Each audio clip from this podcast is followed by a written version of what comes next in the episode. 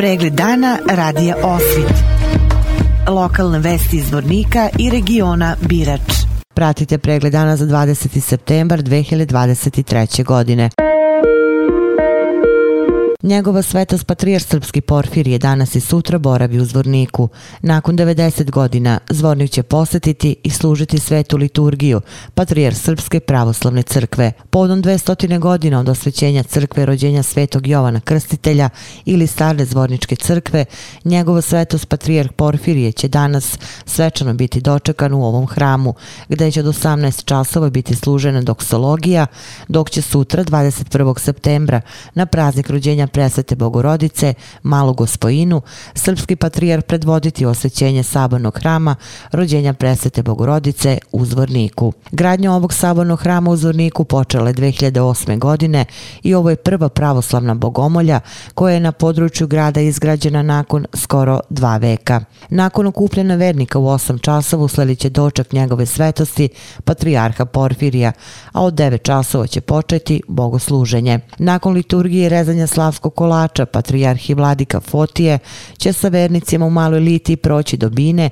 sa koje će biti priređeno obraćanje patrijarha i vladike, te dodala zahvalnica svim pojedincima i ustanovama koji su pomogli gradnju hrama, nakon čega će uslediti i duhovna akademija. Zbog dolaska patrijarha u Zvorniku su na snazi posebne bezbedonosne mere, a saobraćaj će biti regulisan kako se u gradu ne bi stvorile velike gužve. Podom osvećenja sabornog hrama u Zvorniku i posle posete njegove svetosti patrijarha Srpskog Porfirija gradu Zvorniku, 21. septembra bit će obustavljen teretni saobraćaj na magistralnom putu N19 kroz grad Zvornik u vremenskom periodu od 7 do 14 časova. Teretni saobraćaj će biti preusmeren iz Karakaja putem Šeković i Vlasenica, dok će putnički autobuski saobraćaj kao i sanitetska vozila prolaziti kroz grad ulicom Vuka Karadžića, koja će tom prilikom biti otvorena za dvosmerni saobraćaj. Obaveštavaju se građani užeg urbanog područja da su u obavezi od 20. septembra, dakle od danas,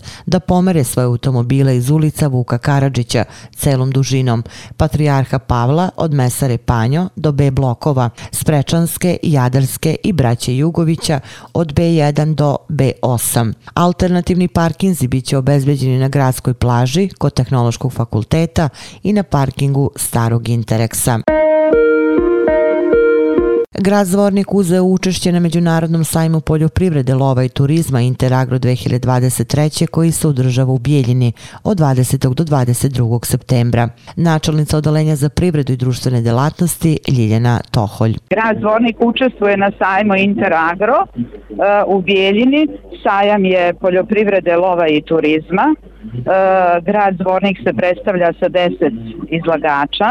To su Deo Voćar, Čelarstvo MB Stanišić, SR Pržionica Kafe Sale, e, Sportsko ribolovno udruženje Bistro i Lovačko udruženje Vukovi Sadrine. Izloženi su i proizvodi od e, Deo Smrčka i Ade Vitinka, a partner grada je naravno Zvornika turistička organizacija i Tehnološki fakultet Zvornik. Vrlo važan sajam u smislu predstavljanja, kažem, poljoprivrede, lova i ribolova. Štand je jako posećen, e, vrlo interesantnog e, dizajna, inovativan u odnosu na prošlu godinu, odnosno drugačiji po uh, osmišljenom tom dizajnu, tako da uh, održava se u agrotržnom centru ovdje u Bijeljini. Uh, upravo nas je posjetio i ministar poljoprivrede, šumarstva i vodoprivrede Republike Srpske, kao i predstavnici privredne komore i jako smo zadovoljni. Sajem je vrlo značajan za ostvarivanje komunikacije je e, kontakata raznih uspostavljanja novih e, nove saradnje tako da grad Zvornik je prepoznao potrebu s obzirom da je prošle godine i primio jednu od nagrada ovde e,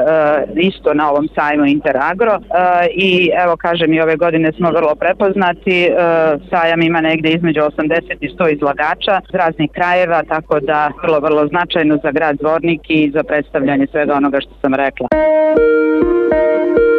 Olujno nevreme praćene ledom koje je prethodnog dana protutnjalo podrinjem nanelo je veliku materijalnu štetu stanovnicima opština Bratunac, Srebrenica i Milići. Oštećeni su krovovi kuća, pomoćni objekti, poljoprivredni usevi, plastenici. U centru Milića je bio usporen saobraćaj zbog ogromne količine kiše i nivoa vode. Veliku štetu pretrpela su i poljoprivredna imanja i zadruga u Konjević polju na koju su oštećeni plastenici i staklenik za proizvodnju sadnica za povrtlarske kulture.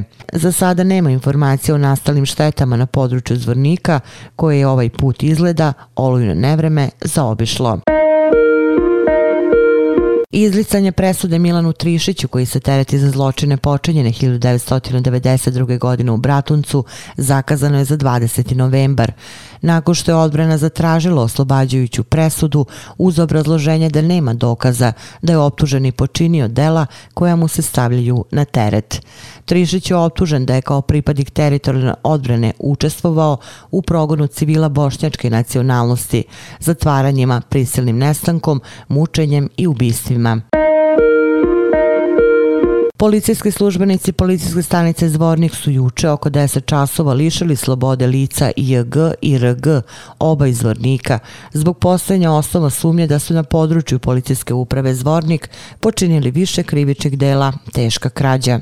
Istog dana na osnovu naredbe osnovnog suda u Srebrenici, policijski službenici policijske stanice Kozluk, Zvornik i Bratunac su izvršili pretres kuće ostalih prostorija i vozila koje koriste lica IRG, kao i lice VG iz Osmaka. Pod nazorom okružnog javnog tužilaštva u Bijeljini preduzimaju se sve mere i radnje na dokumentovanju krivičeg dela sa kojima se navedena lica dovode u vezu, stoji u saopštenju Policijske uprave Zvornik. Iskadom svedokinje tužilaštva Bosne i Hercegovine nastavljeno je suđenje za zločine počinjene 1992. godine u Vlasenici. Za progom bošnjačkih civila u Vlasenici protiv pravnim zatvaranjem, ubistvima, seksualnim zlostavljanjima, mučenjima, nestancima i drugim nečovečnim delima, počinjenim tokom 1992. i 1993. godine sudi se Manetu Đuriću, Radenku Staniću, Miroslavu Kraljeviću i Goranu Gariću. Prema optužnici, Đurić je bio načelnik stanice javne bezbednosti u Vlasenici, Stanić komandir, Kraljević komandir specijalnog voda, a Garić policajac. Nastavak suđenja je zakazan za 27. septembar. Vesti iz Loznice. Zamjenica predsjednika opštine Krupanj Vesna Marjanović i predsjednik Skupštine opštine Krupanj Zoran Zarić posjetili su selo Planina gdje je održana akcija Vojni lekar na selu. U organizaciji akcije učestvovali su prva brigada kopnene vojske, Dom zdravlja u Krupnju, Crveni krst Krupanj i opština Krupanj. Selo Planina ima 40 domaćinstava i oko 70 stanovnika, a pozivu da kontrolišu svoje zdravlje odazvao se veliki broj meštana. Opširnije na sajtu lozničkenovosti.com. Pratili ste pregled dana za 20. septembar 2023. godine. Hvala na pažnji. Pregled dana radija Osvit. Lokalne vesti iz Vornika i regiona Birač.